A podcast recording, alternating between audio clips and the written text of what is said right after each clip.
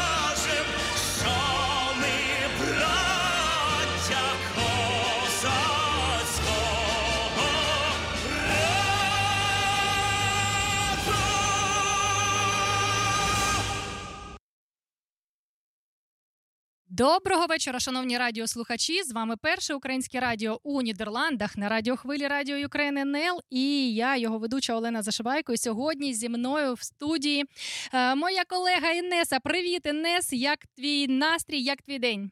Доброго вечора, Олена. Доброго вечора усім слухачам. Настрій чудовий, незважаючи на трошки зливу. Так, вона у Нідерландах вже третій тиждень. Так, Це, це щось як звичайне, звичайна справа. Так. Е, сьогодні середа, і сьогодні наша рубрика, твоя рубрика Хвиля добра. І дуже гарна у нас сьогодні буде веду. Ой, Господи, і ведуча гарна буде, і гостя в нас гарна буде. Сьогодні поговоримо на важливу тему для українців, котрі перебувають у Нідерландах, тому що з нами на зв'язку буде юрист і відповість на питання стосовно трудового договору, прав робітників і е, зобов'язань саме. Так, вона розкаже. Е, вводну інформацію надасть, а а далі е, можна да, відкрити вже. Так, так, так. Е, ми е, відкриваємо у е, вересні нашу активність по івентам, і 2 вересня це субота буде, так. Ми дамо мастер-клас разом із Оксаною. Е, знову ж таки, тему ви можете обрати самі, але по вашим голосам ми бачимо, що більш цікаво все ж таки трудові відносини, бо вже багато хто з наших співвітчизників влаштувався на роботу, тож ця тема дуже актуальна. Тож, е, це такий перша перша таємниця, яку ми розкрили сьогодні в ефірі. Сьогодні їх буде багато, тож е, залишайтеся з нами. Е, слухайте, так сьогодні ефір буде дуже цікавий, і як завжди, кожного разу ми нагадуємо світу про те, що війна в Україні триває. І давайте згадаємо кожного, хто поклав своє життя за свободу, незалежність та суверенітет України.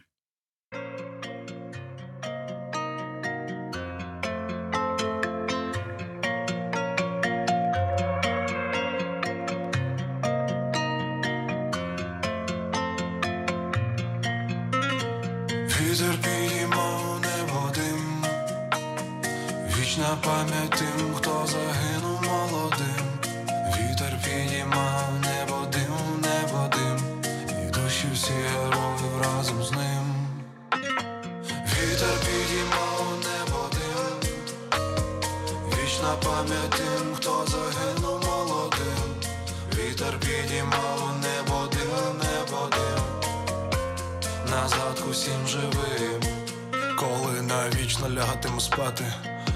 заплющ мені, брате, піду ворогам, подарунок віддам, чи куб з гранати. Моя мати не плач, Бог не палач, м'яч забере, як закінчиться матч, а поки що так зі смертю в такт, доки не згорить їх останній танк, така наша доля. Серед мінного поля карбується, правда, і слава, і сила, і воля. Горя, ніби ціле море, але будемо стояти поміцні, як гори. Як же я радий, що маю кому це сказати. Очі заприч мені, брате, коли навічно лягатиму спати.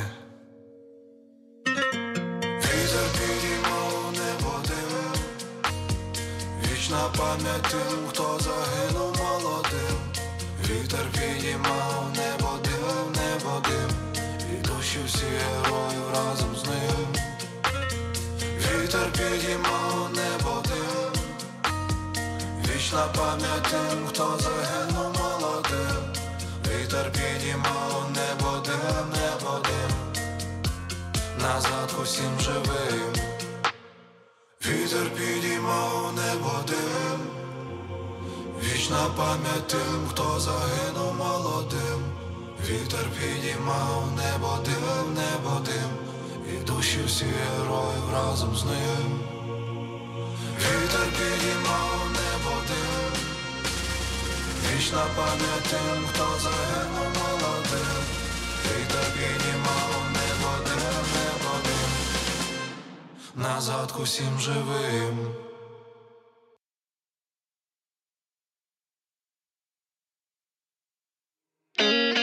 Коли опустилися руки, коли потемніло в очах, не знаєш ти, як далі бути, на що сподіватись, хоча не можеш, не віриш, не знаєш, не маєш куди утікти, та кажуть, чудес не буває, ти мусиш для себе знайти. Допоки сонце сяє, поки вода тече.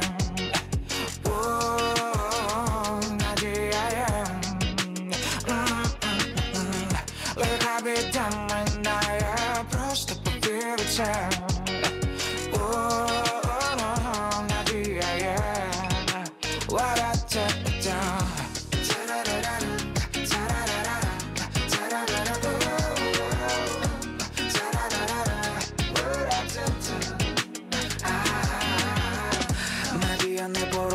у бездії Саме чи задати собі питання, що я вмію, а чим я можу допомогти, в чому моя сила, бо мою матір земля нею наділила. Там, де кожен принесе дощинку, буде скеля, там, де кожен принесе дощечку, буде оселя, там, де кожен скаже слово, буде свобода, там, де кожен зробить дію для свого народа.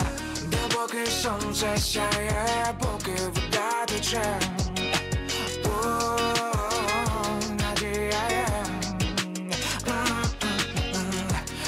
Лиха біда минає, просто повір у це.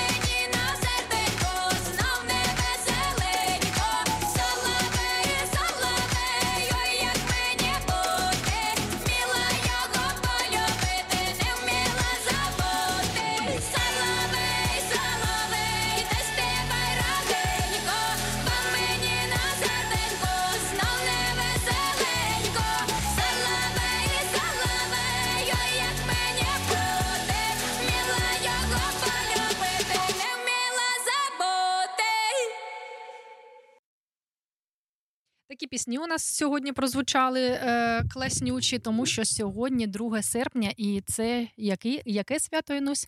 Е, коли коли хто там напісяв у воду? Ілля. Ілля. Отак, е, такі були так, свята. І я пам'ятаю, ще бабуся мені казала: Олено, до 2 серпня купатися можна, а після 2 вже вода холодна, вже це може бути небезпечним. Так що будьте обажні, і якщо е, пірнаєте у річки та моря, то е, будьте дуже дуже обережні. Але це особливо сьогодні. Тільки сьогодні, так. Будьте е, е, уважні завжди, коли маєте стосунки із водою. Е, Інусь, розкажи, будь ласка, ми робили опитування і в минулі тери розповідали людям, анонсували Так, так. Класну гру, так? Що ти плануєш провести гру. Мафію, так? Ми Так. анонсували. Так. Так, звісно, треба зауважити, що голосування пройшло успішно, і на першому місці у нас е, місто Роттердам. Тож е, ми плануємо на вересень. Знову ж таки, ще один відкриваю секрет. Ми плануємо на вересень, на 9 вересня. Це друга неділя, субота е, вересня. Ми плануємо провести в Роттердамі мафію. Тож записуйтесь, бо кількість е, учасників у нас обмежена. Е, Олена ще зробить опитування, так? Так, звісно, зробимо опитування, зробимо в, в наших соціальних мережах всю інформацію стосовно е, цієї зустрічі, Та цієї гри. реєстраційну форму, о, через яку ви зможете зареєструватися і забронювати своє місце, бо я знаю, що охочих набагато більше, чим проголосувало, бо негласно було дуже багато е, закликів на, на Мгм. цю гру. Е, тож, е, А так, ще ми плануємо дуже класні е, споря- спорядження, так, класне таке і класний формат. Тому приєднуйтеся, пишіть, е, якщо бажаєте приєднатися, то ми так, це будемо. більше е, чекати. мафія, це більш розважальний формат, це більш про знайомства, про гарний настрій, про те, як вмієте е, носити чи е, грати роль, як ви можете носити маски. Дуже цікаво. Да? Навіть мені вже дуже цікаво. Вже хочу. Хочу 9 вересня. А, так, д- клас. І е, я думаю, що взагалі з вересня місяця, у зв'язку з тим, що дуже багато буде івентів, ми зробимо е, такий е, Так, е, графік, афішу, афішу, так, так, на е, повністю на місяць, що Мгм. очікується, а, які проекти у нас е, плануються, і вам буде зручно ознайомитися з ними. Тож е, долучайтеся до наших соціальних мереж, все буде опубліковано, і е, будемо починати цю осінь дуже активно. Так, і а я, як завжди, закликаю до інтерактиву і е, чекаємо на ваші. Е, також е, пишіть нам пропозиції, бо ми відкриті до будь-якої ідеї і е, готові реалізувати будь-яку. Тож пишіть, які ви маєте ще ідеї до івентів, і ми е, із задоволенням е, реалізуємо ці ідеї в життя. А зараз Я пропоную послухати музики і будемо підключати нашу гостю. так, добре.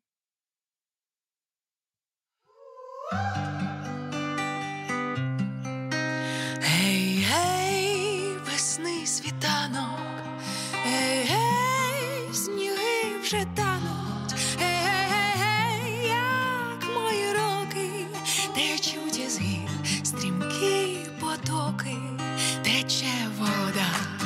тече бистра вода, тече вода, і минають літа.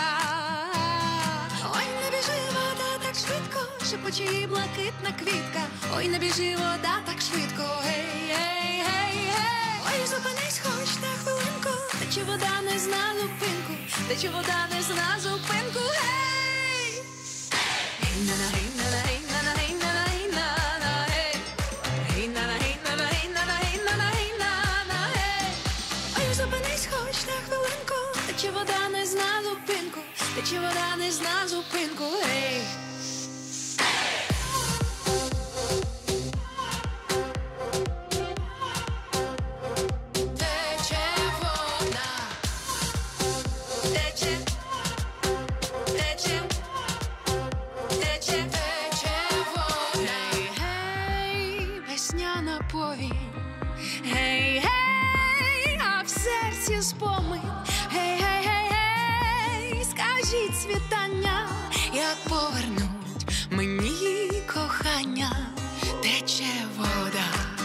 тече бистра вода, тече вода, і минають літа.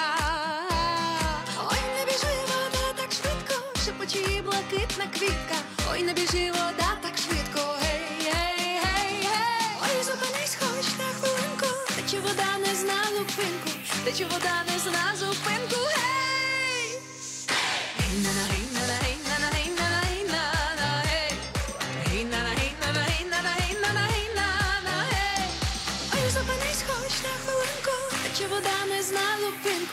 Тече вода не зна зупинку. Гей.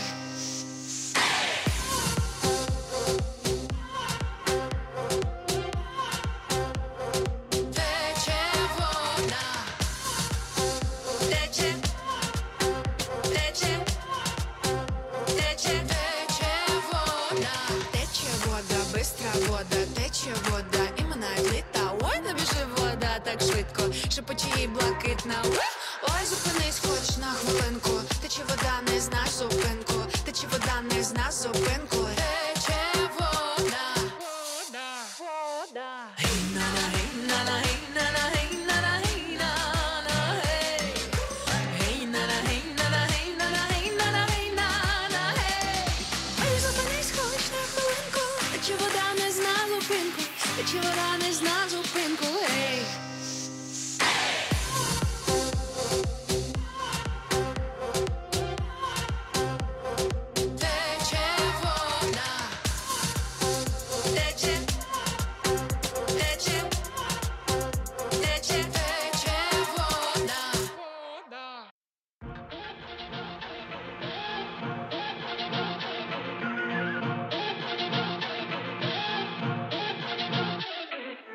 Кожнім нашім регіоні своя мова файна. З тремпеля зніму й одягну фосу нову пайду. Що в моїй балсанці, знаєш, там чиста водиця. А під мої треки тріснуть навіть на гавиці. Дечко путню розпаль противень, я наповню словом. Буду запікати разом єдну рідну мову. Прапор там жовто-блакитний, читанка писала. Десь пішли ми манівцями в пошуках вальхали. А мій говір степовий західним наріччям. Всі слова туди вливали сторіччя в сторіччя. Я жила в двох регіонах, зараз уже третій. Сужик, та говорю я на укрдіалекті.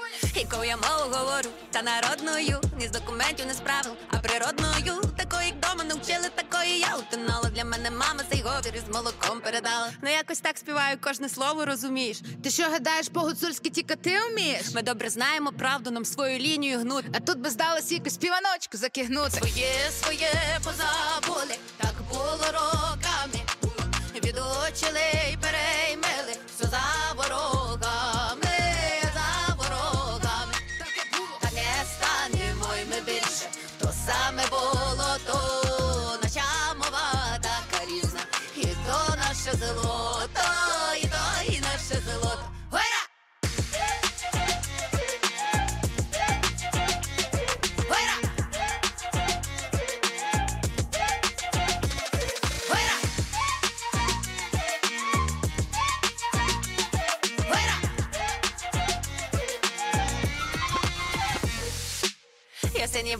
стидати, бо це суть моя. Себе собою почувати, в цьому вільна я. Ми в своєму домі газдуєм, повізбираєм каміння. А ми живем, не існуєм, бо глибоке коріння. Цеєчки то гоєчки, чи може тут й там картоплю чи то бульбу кидаємо в гумку й дамку. На лавці гикали, шокали, потім по цей гокали. Чи може ми поокали, чи потіктокали?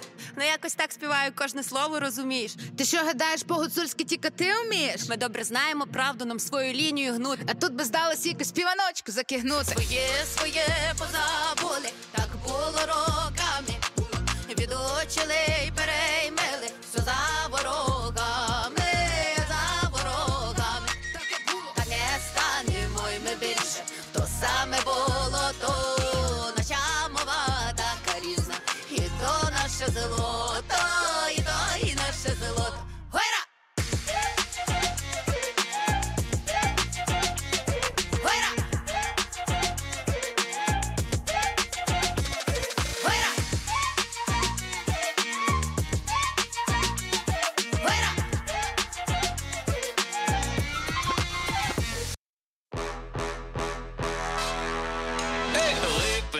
дворі липне до спини сонечко пече, що ти хочеш ще дзвонить телефон на розбитому склі. Бачу я ім'я, Господи, прости, я тебе забув, чуєш мене, чуєш, я тебе забув, більше не дзвони, я тебе забув, чуєш мене, чуєш, я тебе забув, більше не дзвони.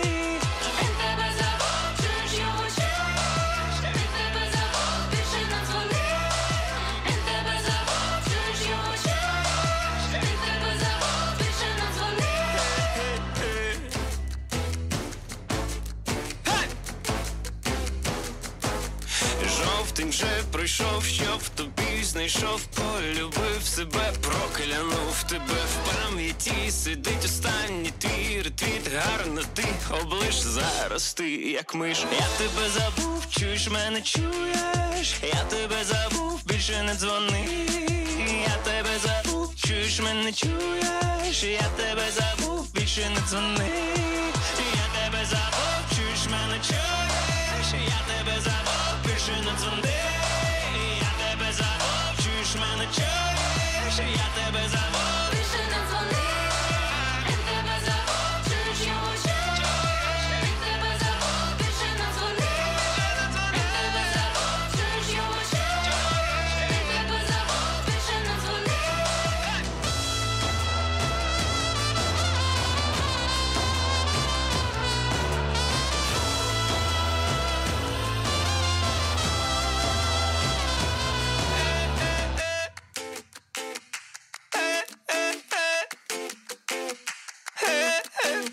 Ось тут е, повинно було бути соло на тромбоні, але зараз він в Польщі. Тож приспів!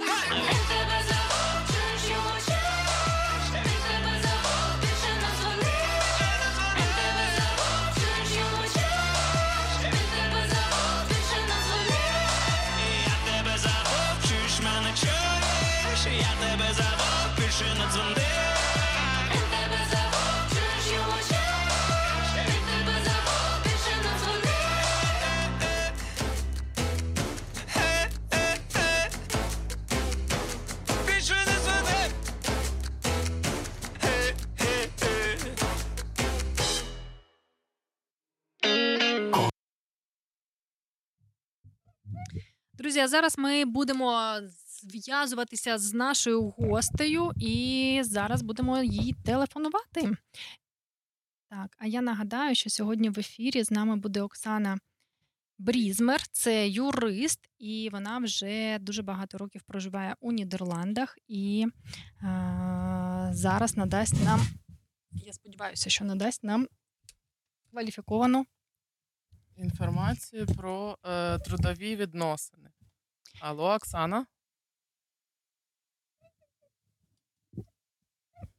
Алло?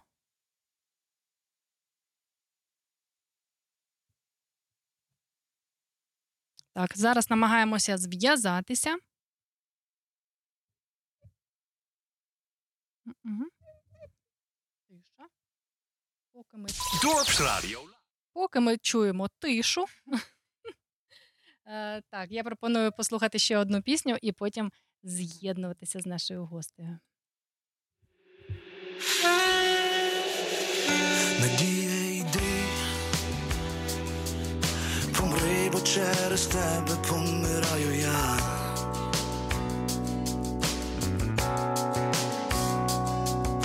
Нервинна живу мою душу, піди навіки згасни, як зола.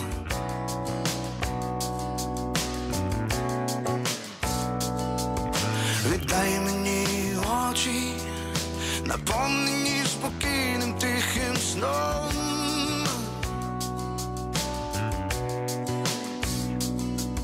Мене залиш одного серед ночі, бо все світ є холодним дном.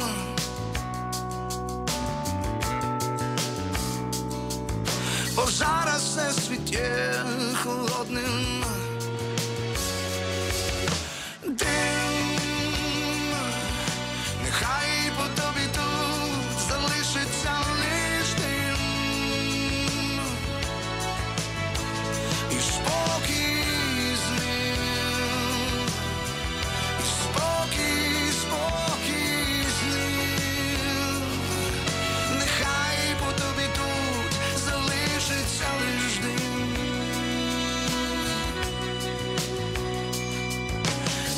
Бачиш, я втомився, хочу спати, бачиш відчаю в моїх очах.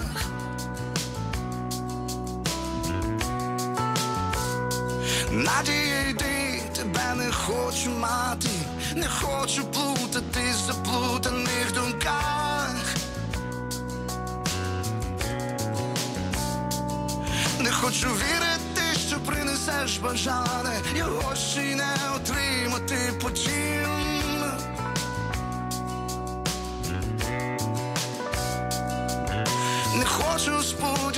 Сподіватись, хочу не бажати. Я хочу, щоб розвіялась, як дим. Я хочу, щоб надіяти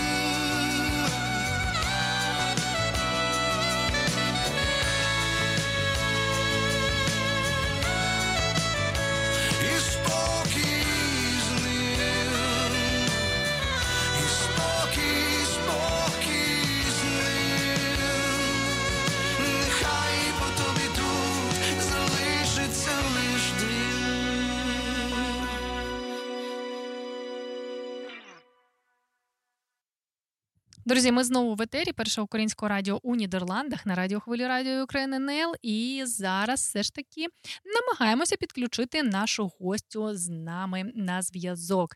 І поговоримо про трудові відносини, про права працівників і відповідальність.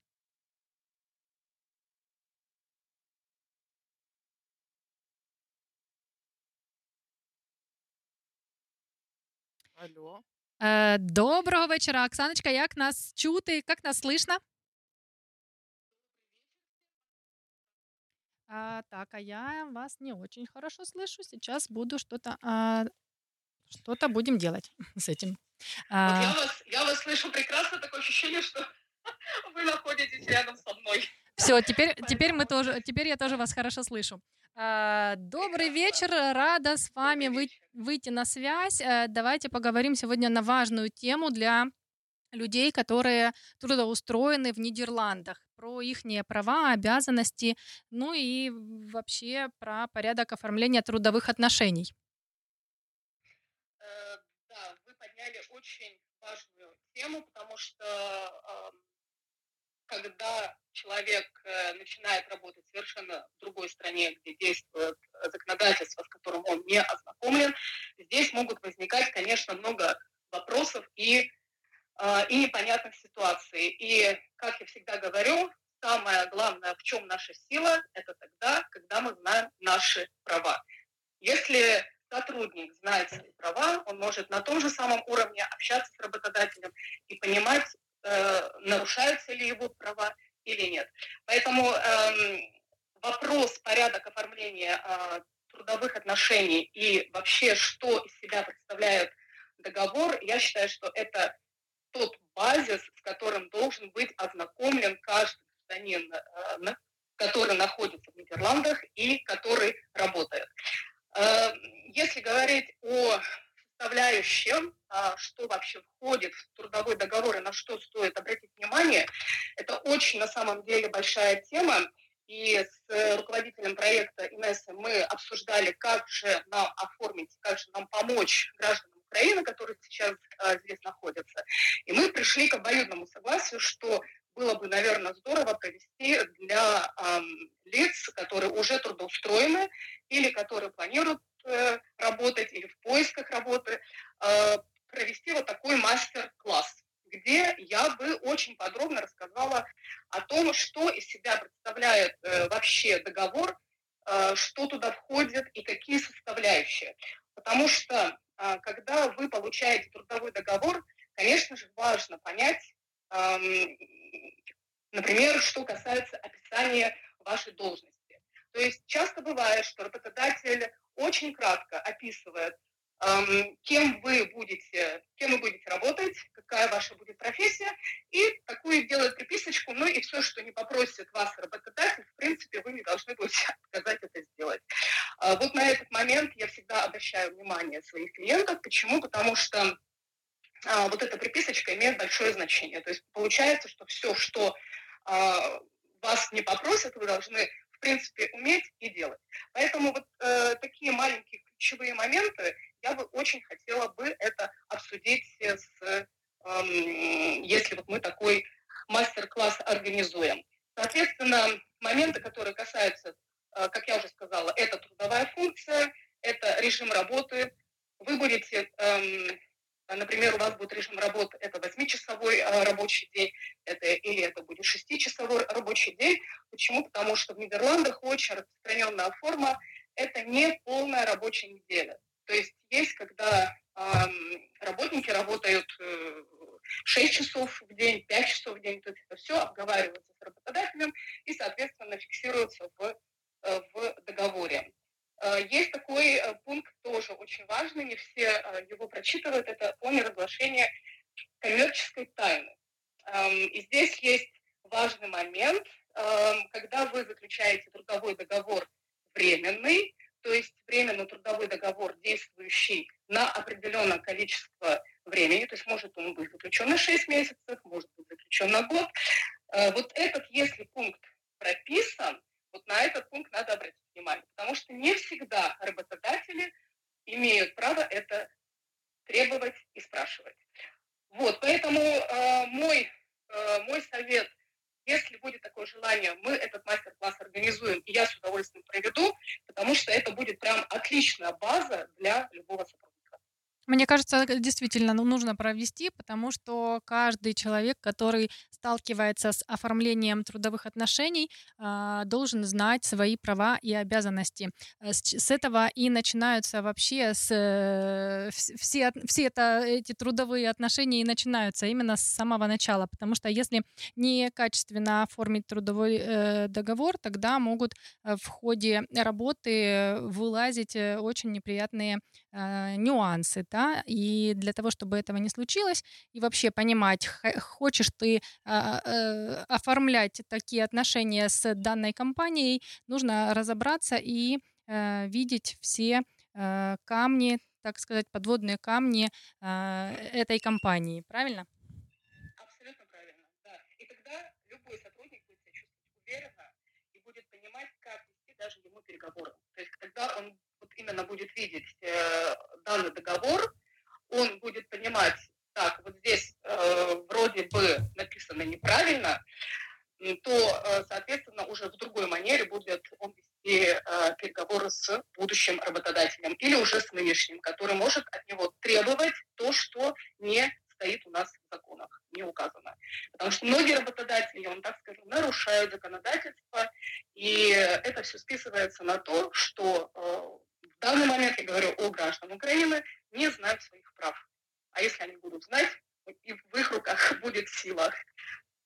Понятно. Расскажите, пожалуйста, возможно ли а, оформить одновременно два трудовых договора? Вот, допустим, если человек работает на одной профессии, не полный рабочий э, день, да, вот э, не полную рабочую неделю, и потом оформить второй трудовой договор. Э, это мо- возможно ли оформить и на что влияет? Влияет ли там на какие-то отчисления или, ну вот, с чем, с чем это связано? Мгм. Да, очень хороший вопрос. Э, Буквально недавно у нас были внесены изменения в трудовое законодательство. А, Если говорить о данном праве, данное право у работников есть, может а, оформить хоть четыре трудовых договора. То есть, если, э, скажем, это будет в пределах его возможностей и компетенции. А, Единственное, здесь будет такой момент, который тоже часто работодатели указывают в контрактах, это о том, что работник должен предупредить работодателя, а, что он параллельно имеет именно контракт с другой э, фирмой.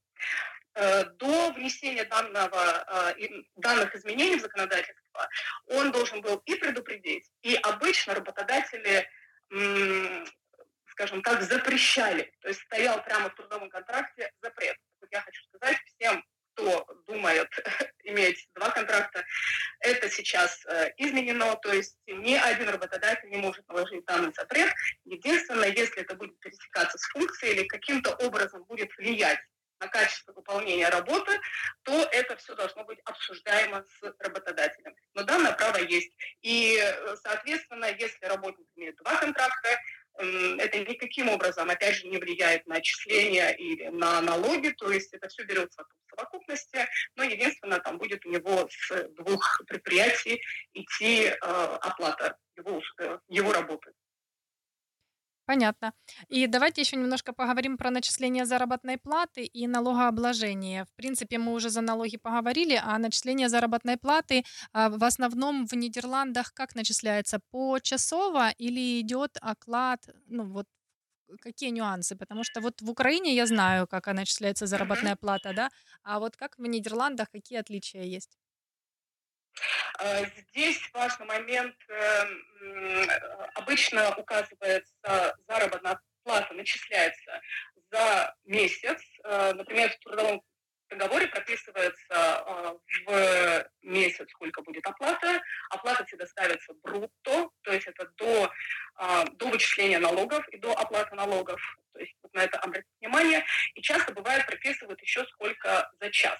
То есть есть минимальная заработная плата в Нидерландах, есть минимальная оплата за час. То есть любой сотрудник, опять же, если данная минимальная оплата меньше, то есть он имеет право потребовать от работодателя повышения. Э, э, как я повторилась, э, начисление происходит за месяц, и там есть очень много составляющих, на что имеет сотрудник право. Например, на различные налоговые вычеты. Есть у нас общие налоговые вычеты, которые зависят от уровня зарплаты. Соответственно, чем выше уровень зарплаты, тем э, налоговые вычеты меньше. Чем меньше, значит, тем налоговые вычеты будут больше. И я бы, э, потому что тема эта на самом деле очень важная и объемная, э, вот я бы тоже обратила внимание всех если будет такое желание, мы бы отдельно провели бы тоже мастер-класс на эту тему, где я бы подробно рассказала, как начисляется заработная плата, на что вы имеете право, на какие отчисления и на какие налоговые льготы.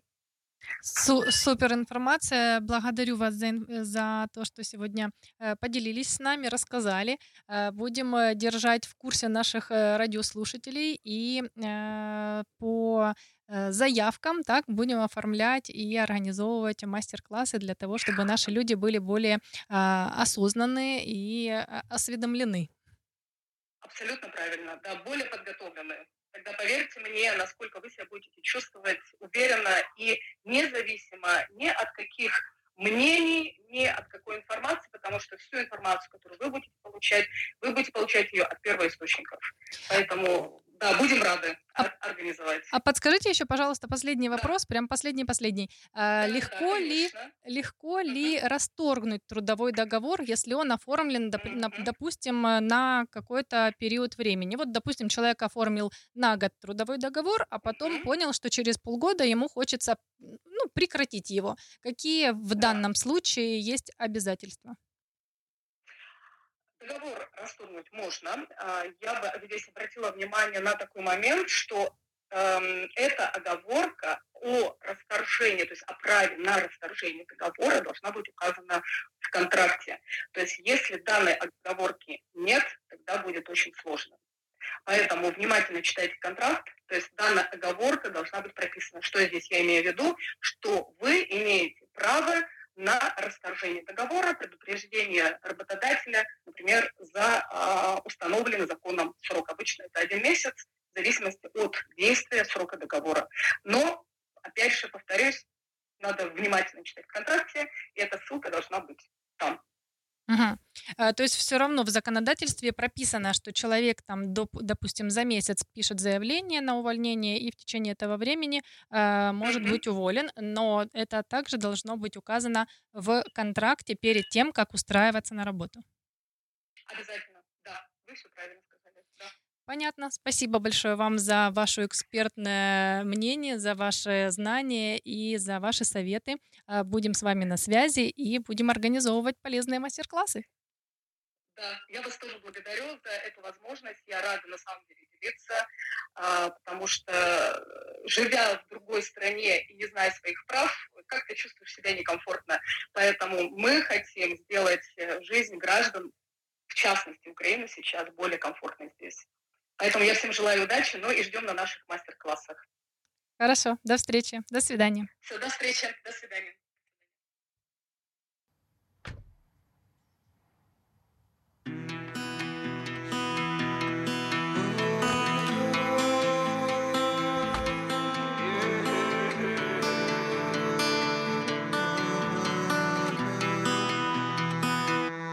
Скільки не стріляй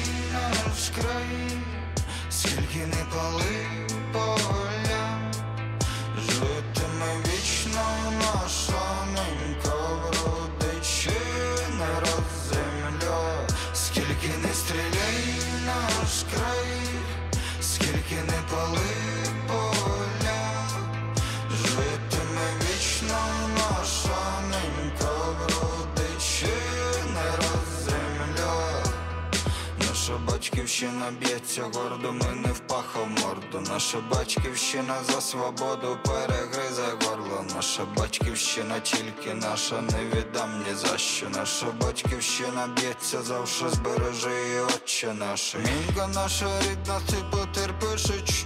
Наші січові стрільці, добре ворога січ. Око за око наші хлопці точно пики натовчуть. Збройні сили України не дадуть задуть свіч. Скільки не стріляй наш край, скільки не пали поля,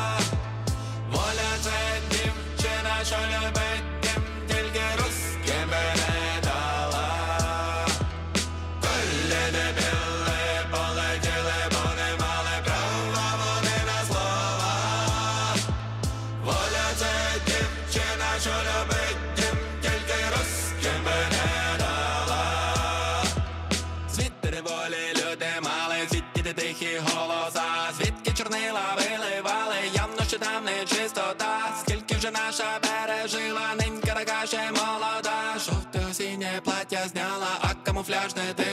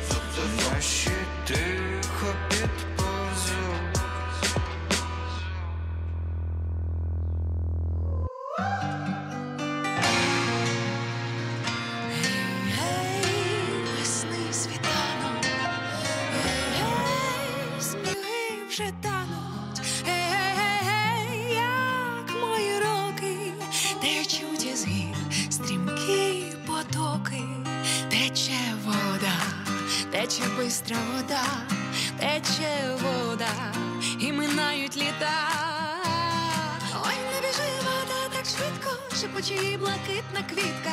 Ой, не біжи вода так швидко. Гей, гей, гей, гей. Ой, зупинись, хоч на хвилинку, тече вода не зна зупинку, тече вода не зна зупинку. Гей! Hey! Hey!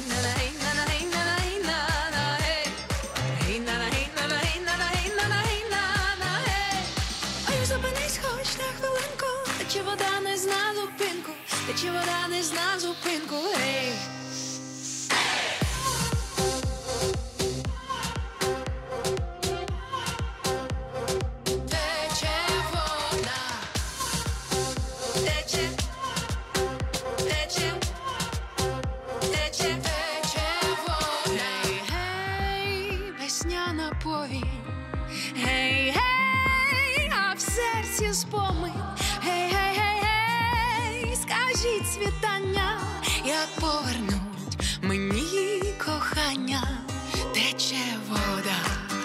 очі бистра вода, тече вода і минають літа. Ой, не біжи вода так швидко, шепочі блакитна квітка. Ой, не біжи вода так швидко. Гей, гей, гей, гей. Ой, зупинись, хоч на хвилинку, тече вода не зна зупинку, тече вода не зна зупинку.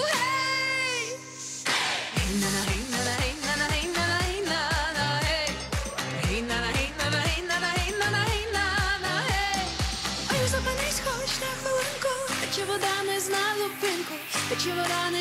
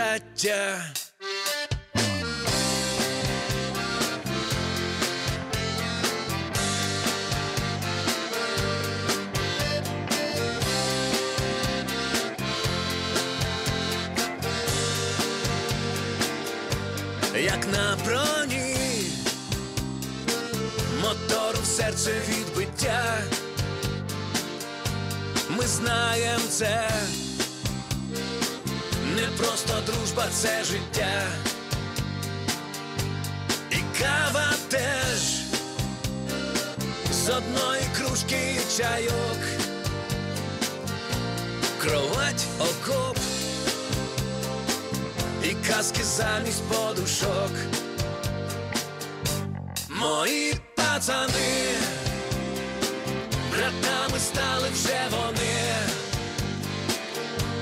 Мої пацани, плічо пліч спина до спини. Мої пацани, що поруч б'ються за життя. Пацани, мої ви браття.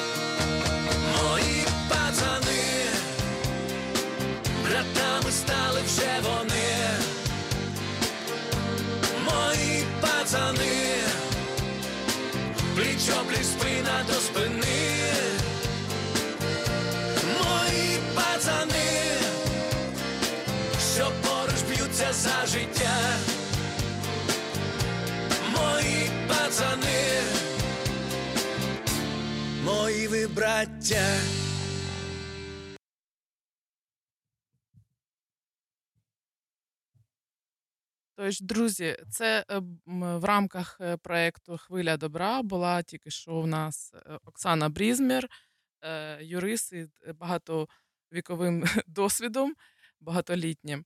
Е, і ми вам е, в началі, на початку нашого етеру е, е, робили анонс, що у вересні, е, 2 вересня, ми проведемо для вас е, такий воркшоп, майстер-клас е, на тему трудового договіру.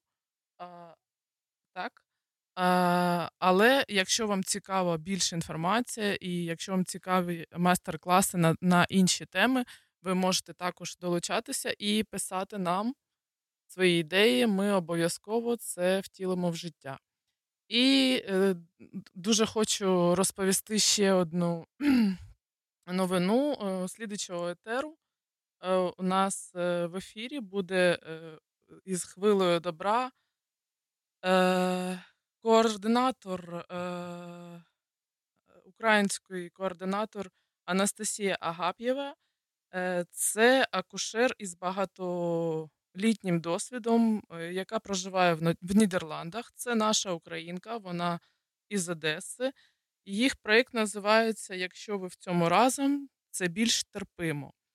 Е, Проєкт для вагітних і, і про вагітних жінок, про всі Е, Це групові підтримки. Е, Вони були онлайн зустрічі, а, але Анастасія планує робити це офлайн. Е, Це п'ять зустрічей, на яких ви можете отримати теж дуже корисну інформацію, що з приводу вашої вагітності, з приводу того, куди піти, що робити, і так далі.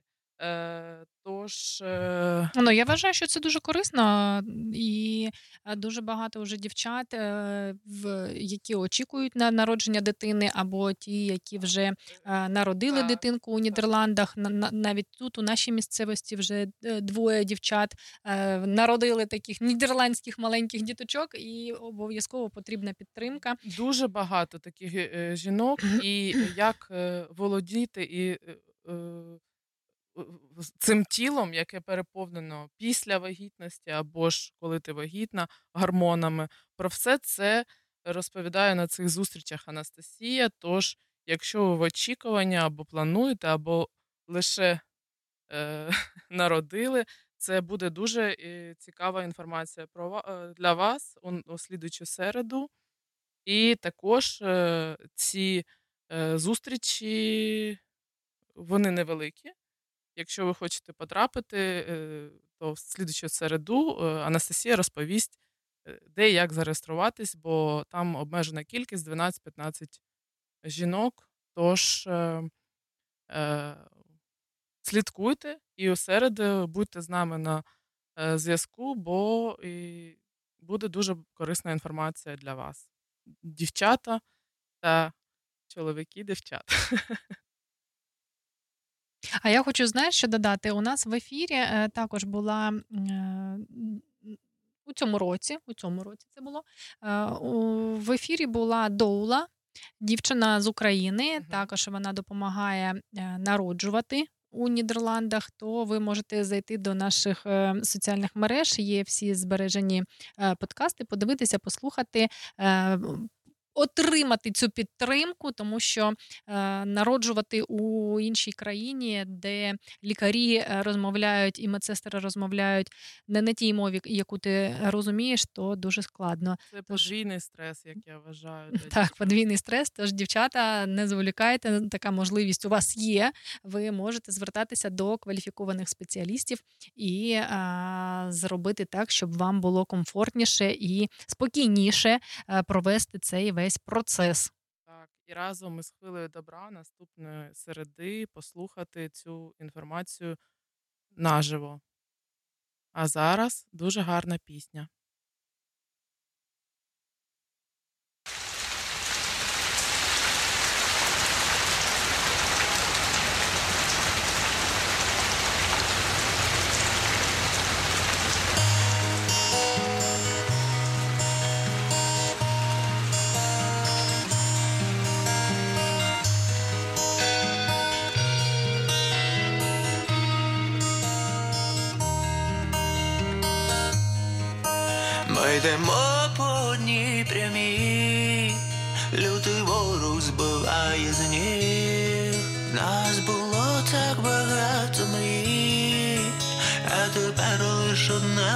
Всіх.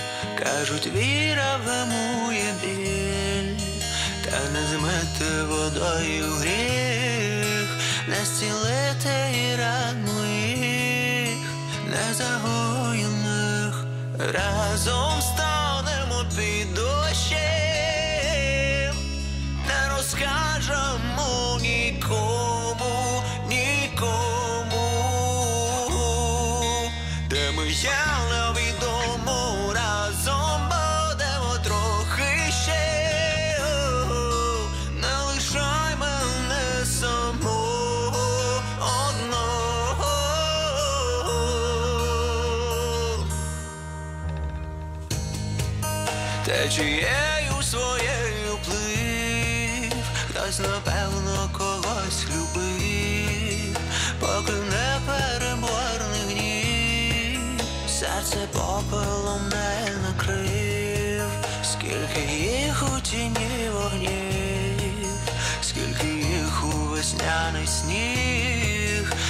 вже схилила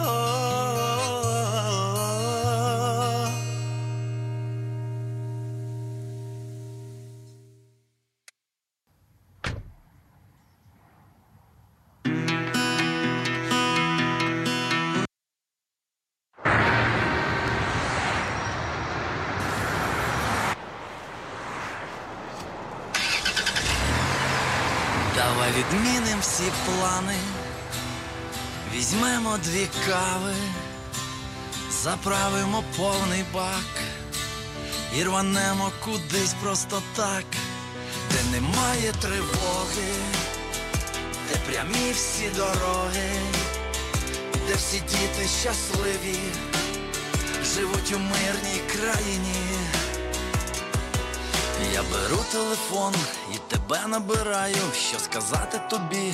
І я точно знаю, хочу з тобою життя все прожити, бути щасливим і просто любити. Ніжно тебе обійму, сильно за руку візьму. Коли ми удвох, то нікого немає. Нехай весь світ зачекає. Давай відміним всі плани. Візьмемо дві кави, заправимо повний бак і рванемо кудись просто так, де немає тривоги, де прямі всі дороги, де всі діти щасливі, живуть у мирній країні. Я сумую, коли тебе поруч немає, але разом з тобою про все забуваю. Ми на сьомому небі і все по феншую. Коли чую твій сміх, я від тебе кайфую, ніжно тебе обійму, сильно за руку візьму. Коли ми удвох, то нікого немає. Нехай весь світ зачекає. Давай відміним всі плани. Візьмемо дві кави, заправимо повний бак і рванемо кудись просто так, де немає тривоги, де прямі всі дороги, де всі діти щасливі, живуть у мирній країні.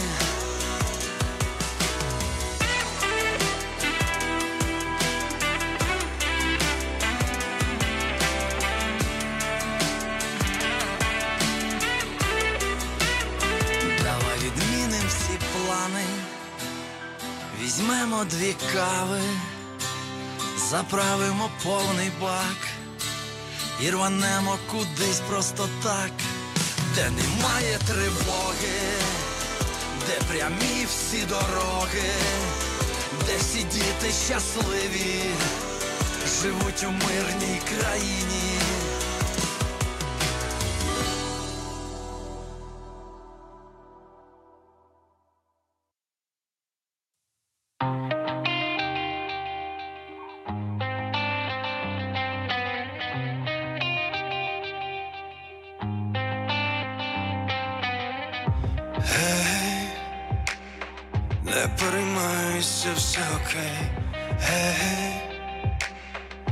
Настане завтра новий день. Все трапляється в житті. Часи бувають непрості.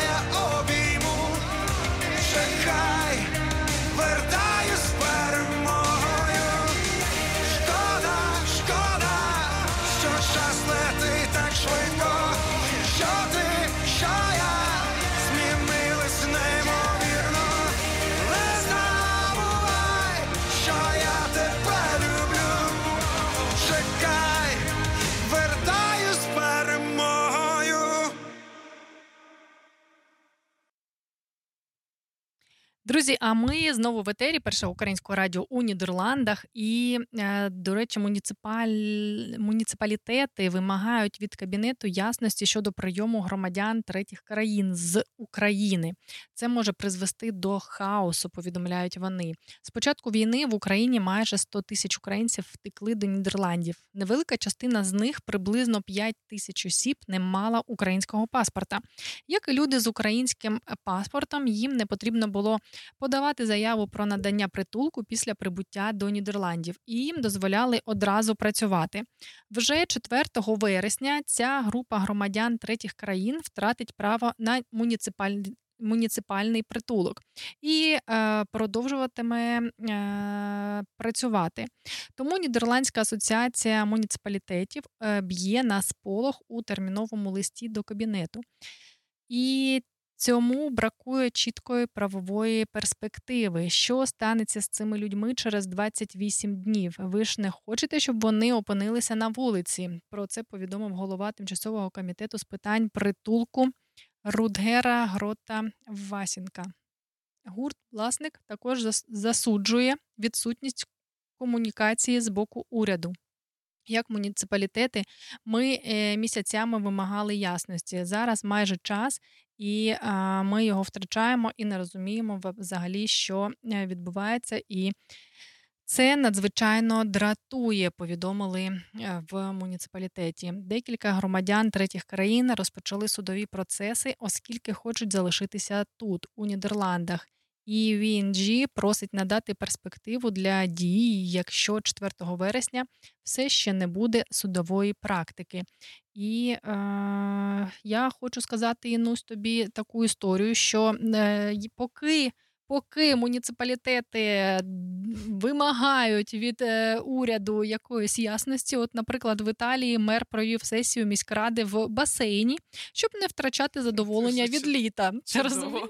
Да, так... Чудове місце для проведення сесії. Чому Чому б ні? Да, Мер італіянського містечка Арпіно Віторіо е, вирішив поєднати корисне з приємним і провів засідання місцевої ради у басейні наприкінці липня, е, який також обіймає посаду віце-міністра культури, опублікував у своїх соцмережах відео, у якому повідомив про своє незвичне рішення. У ролику політик стоїть у басейні. За його словами, таке місце для проведення сесії він вибрав задля того, щоб не втратити задоволення від літа. Ми знаходимося в Арпіно в заміському будинку, де розташований цей чудовий басейн. Щоб не втрачати задоволення від літа, прохолодного повітря і водночас бути мером, ми збираємо тут раду на межі між е, провокацією та революцією. Ем, користувачі мережі оцінили ідею 70-річного е, Вітторіо з Гарбі, і під його е, постом можна прочитати чимало похвальних коментарів та навіть питання, де знаходиться місце, у якому політик зняв відео. Італійське медіа. Назвало проведення ради у басейні геніальним рішенням. Журналісти підкреслили, що своєю ідеєю, яка лежить межі між провокацією та революцією, е, розпочинає еволюцію розумної роботи для інституційної політики. У розмові з виданням мер сказав, що зустріч у басейні була дуже продуктивною. Ми дуже добре працювали. Ми обговорювали багато тем. Ну, я думаю, дуже класна порада також Задав. для нідерландського е, уряду для того, щоб скоріше приймати рішення, тому що я, е, я особисто розумію розгубленість муніципалітетів, дуже велике навантаження, е, скільки українців, а треба розмістити, надати притулок, прийняти всі е, скарги, пропозиції, так, розрулити всі питання, а ще й е, думати про тих людей, котрі не мають цього права на прихисток. Так, дуже скоро вже наступить вересень, а 4 вересня це вже ну вже, зовсім скоро. І я розумію е, всіх е, працівників муніципалітетів, тому що вони також розгублені і не знають, що з цим робити Так, і також хочуть відпочивати. у басейні. Ну, дуже класна, класна ініціатива. Ти знаєш, так. Да, мені здається, що якщо були прийняті е, продуктивні, так, продуктивно вони попрацювали і були прийняті а, рішення. То е, люди не будуть сприймати це негативно. Якщо людина працює навіть у відпустці, так ну або так, або тільки е, плюс. Так, тільки плюс. Тим паче, ти уявляєш, якщо б вони сиділи у якомусь приміщенні, в котрому там 40 градусів е, жари, і е, приймали ті рішення, то може там би і рішення були б не такі е, класні, як після басейну. Як на мене, е, продуктивність важливіша. Тож, якщо їм е, краще у басейні приймати рішення, якщо це прийняті і вірні, так, корисні для суспільства е, рішення, то хай краще вони приймають їх в басейні, так, і швидше, е, чим е, роз, розтягують їх на місяці і Так, не приймають їх. Не приймають, і люди не розуміють взагалі, е, як далі бути, як жити і що з цим робити. І стосовно от води, да, там в, в Італії в басейні покупалися, а от жителі і гості Венеції також. Напевно, покупалися у центрі, тому що історичний центр Венеції частково пішов під воду. І останнім часом е, за цей рік ми бачили дуже багато змін погодних у Венеції. То пересихали канали, річки, то навпаки затоплювало. Не тільки в Венеції та по всьому світі. Це, звісно, глобальне потепління дається в е, знаки. Так? Ми бачимо, що дуже багато катаклізмів, дуже багато е, води приходить у різні місця, де раніше не було. То і це, звісно, дуже, дуже неприємно. Так, і от, наприклад, за е, піковий рівень води в історичному центрі Венеції сягнув одного метра. І востаннє приплив такого рівня е, посеред літа спостерігали 30 серпня 2020 року і 28 серпня 1995 року. Тобто не так то і часто підіймалася вода так е, високо. І ти знаєш, е, навіть е, одного разу я побачила в соціальних мережах дівчата сидять такі у центрі Венеції у кафе за столиком, і на у них на ногах на ногах такі прикольні бахіли високі. Думаю, слухай, такі класні бахіли. Вони дуже були корисні для наших хлопців і дівчат у ЗСУ, коли дощі йдуть і там в окопах все розмиває. То також е, така ідея, хто допомагає волонтери. Е, такі бахіли з Венеції можна передавати в Збройні Сили України, щоб наші захисники ходили з сухими ніжками. Цікава ідея.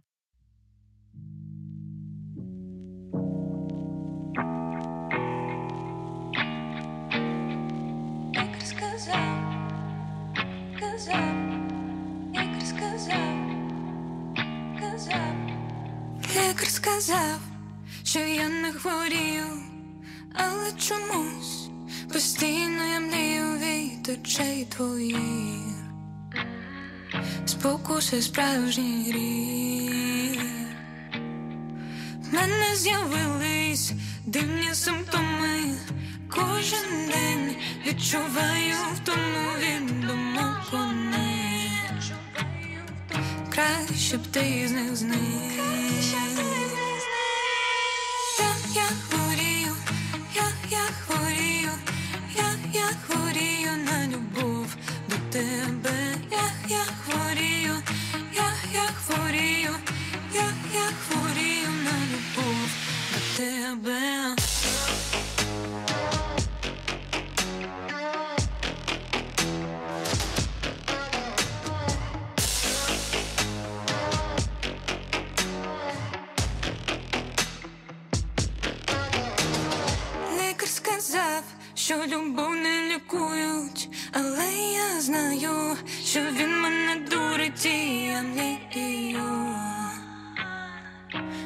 тебе мільйон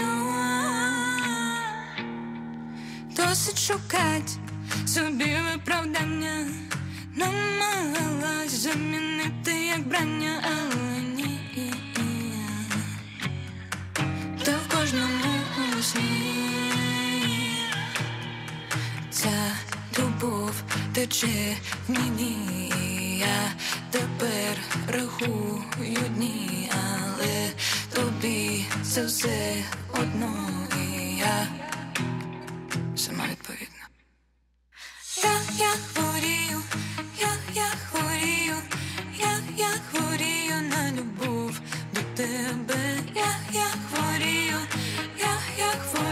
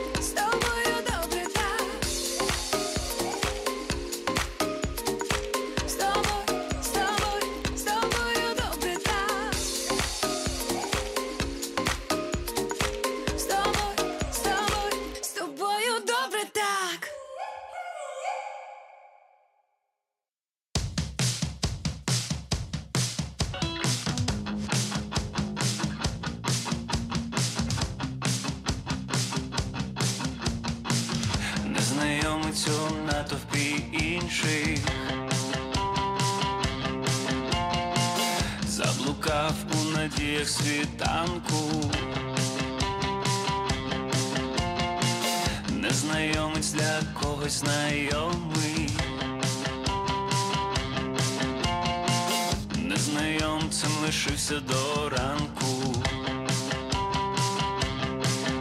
хочу я збагнути, сил тебе забути, сил тебе забути, вдосталь сподівання, знаю без вагання, знаю без вагання, що втрачаю я. Дівчину.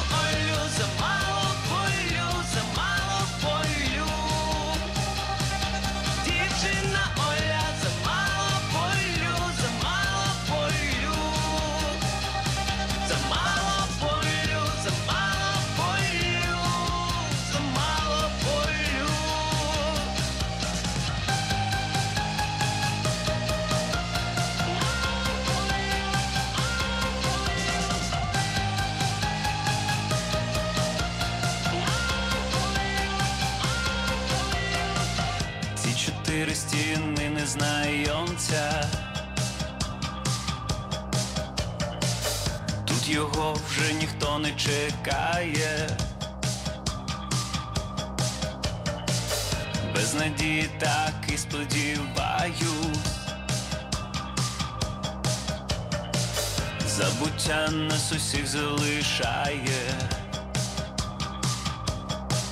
хочу я збагнути, сил тебе забути, сил тебе забути вдосте сподівання, знаю без вагання, знаю без вагання. Що втрачаю я дівчину, ой, замало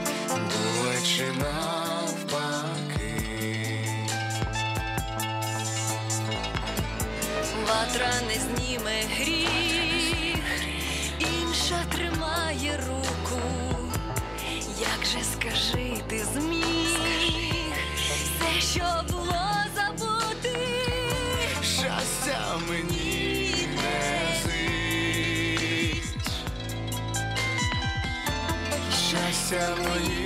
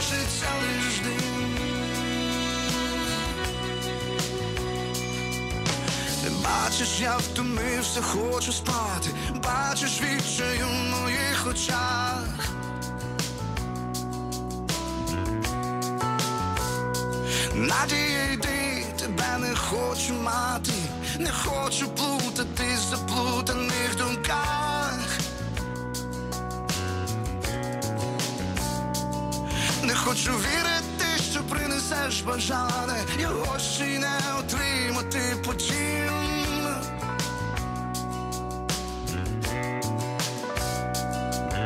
Не хочу сподіватись, хочу не бажати. Я хочу, щоб розвіялась, як дим. Я хочу, щоб надіяти.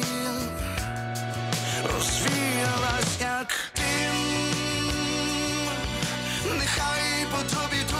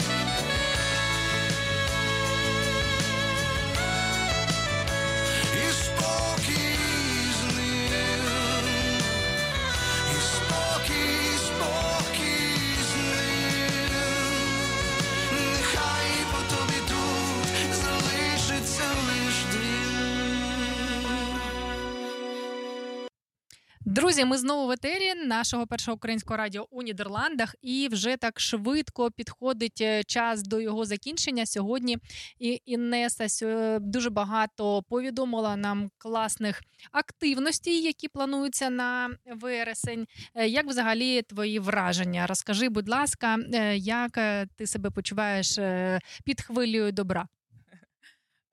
Почуваю себе добре. Я з нетерпінням чекаю наступного етеру, бо мені е, дуже цікаво поспілкуватися із Анастасією. Я думаю, що нашим слухач... слухачкам, по-перше, але ма... ну так, можливо, і чоловікам, так, так. можливо, угу. також буде цікаво і чоловікам послухати ту інформацію, яка вона дасть про свої надасть про свої сесії. А також е, дуже багато планів, е, які хочеться реалізувати, звісно ж. І вже на наступному тижні Олена дасть вам е, афішу наших івентів на вересень, і також реєстраційну форму до кожного до кожного чи так, Мабуть, так. ми Я думаю, що ми зробимо організуй, організуємо цей процес. Це вже таке. Так, де ви можете зареєструвати собі місця, бо місць буде на кожний івент е, обмежена кількість, бо, бо буде обмежена кількість. дуже чітко і навіть додати нічого.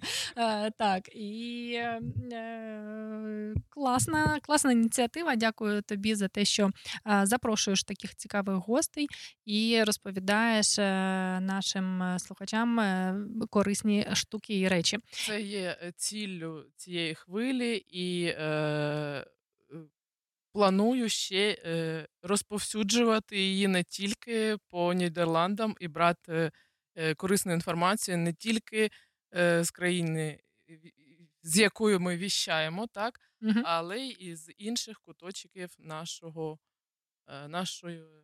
Тоді я пропоную звернутися до слухачів, якщо у вас є знайомі, які можуть надати корисну професійну інформацію для людей, яка буде дійсно допомогою. Корисно, цікаво і потрібно. Так, так потрібно. яка дуже актуальна наразі. Е, це буде дуже е, гарно для вас, бо ви будете е, допомагати. Так, це буде ви будете в нашій хвилі, е, в нашій очищуваній хвилі.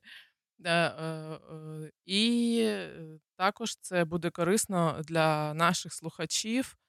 Е, такий е, дуже цікавий та корисний нетворкінг. Ми е, закликаємо до нього. Тож пишіть, які цікавлять теми, і реєстраційні форми. Перше, це буде 2 вересня зустрічі з Оксаною, і на інші також ми дамо ссылки. Так? Так, і я хочу нагадати про те, що у нас з'явилася рубрика за ними майбутнє. Це діти, талановиті діти, українські талановиті діти, котрі знаходяться або в Україні, або поза її межами, котрі е, здобувають е, певних успіхів Звертайтеся в наші особисті повідомлення. Ми будемо е, розказувати в прямих етерах, проводити з ними інтерв'ю, е, розповідати, підтримувати для того, щоб у цих діточок з'явилася можливість е, познайомитися один з одним, познайомитися з можливо тренерами, клубами, які вони зможуть використовувати у майбутньому. І от саме у понеділок у нас була класна талановита танцівниця бальних танців, яка зі своїм партнером е, здобули дуже багато е, переваг, перемог. І ви цей подкаст можете подивитися у нашому інстаграмі і послухати про те, як е, дитина і її мама розповідає про свої про складнощі, з якими зіштовхнулися у Польщі. Вони проживають у Польщі, і як вони змогли вирішити ці всі проблеми. Про пошук також спортивних клубів. Також вони розповідали. І тому, якщо у вас дитина займається спортом, займається.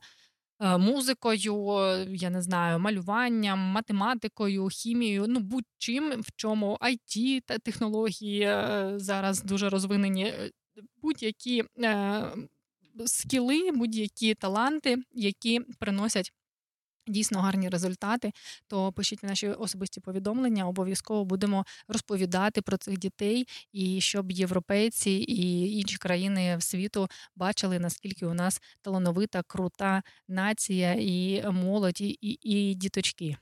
Так, це дуже класна рубрика, дуже е, також е, цікава, бо діти це наше майбутнє, і е, ці перемоги даються дуже тяжким, тяжкою інколи е, кожного дня працюють. Це тяжкий труд для, е, як для дітей, так і для батьків. Тож е, слухайте цікаві досвіди, цікаві історії е, з цього проєкту, е, бо це, це наше майбутнє.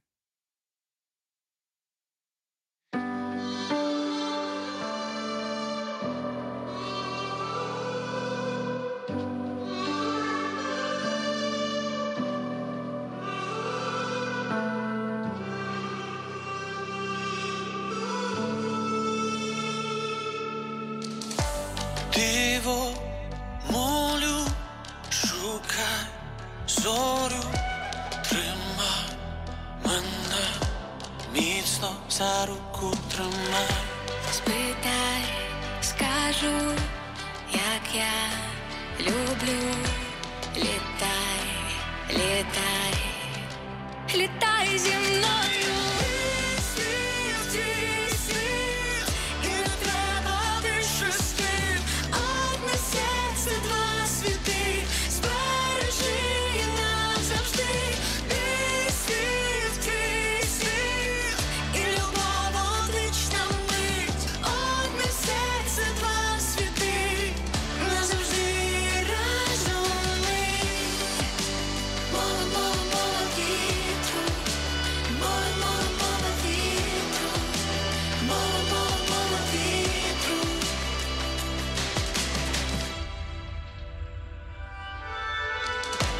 Пізнай мову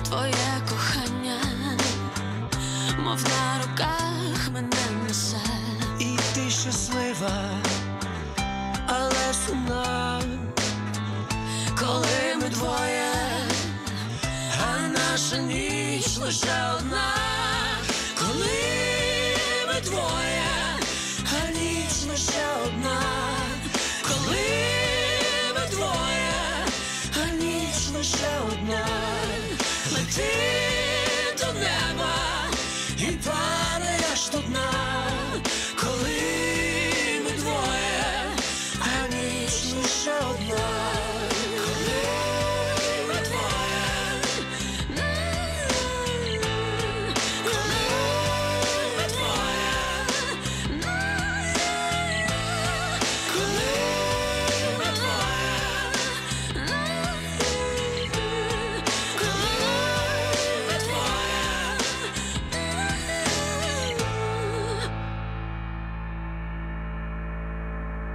Інесо, наш етер вже захо- доходить до закінчення, і я хочу сказати всім нашим радіослухачам дякуємо за те, що приходите слухати нас. Пишіть свій фідбек, ставте свої вподобайки у наших соціальних мережах.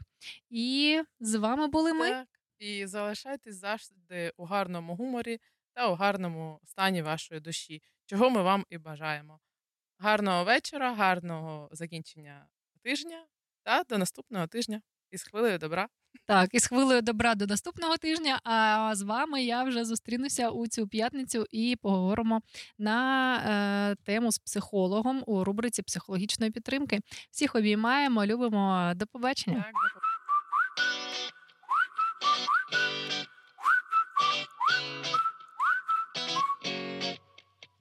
палаючи вогнем в своїх серцях, маємо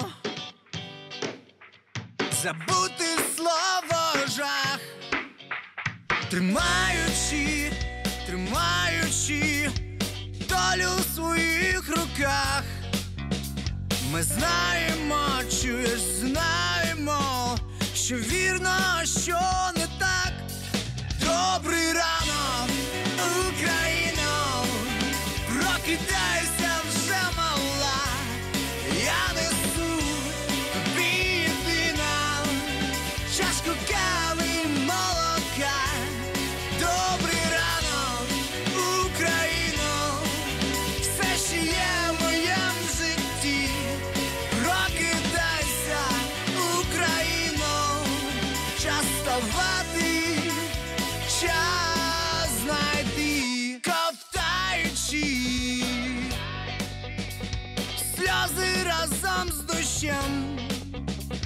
втрачаємо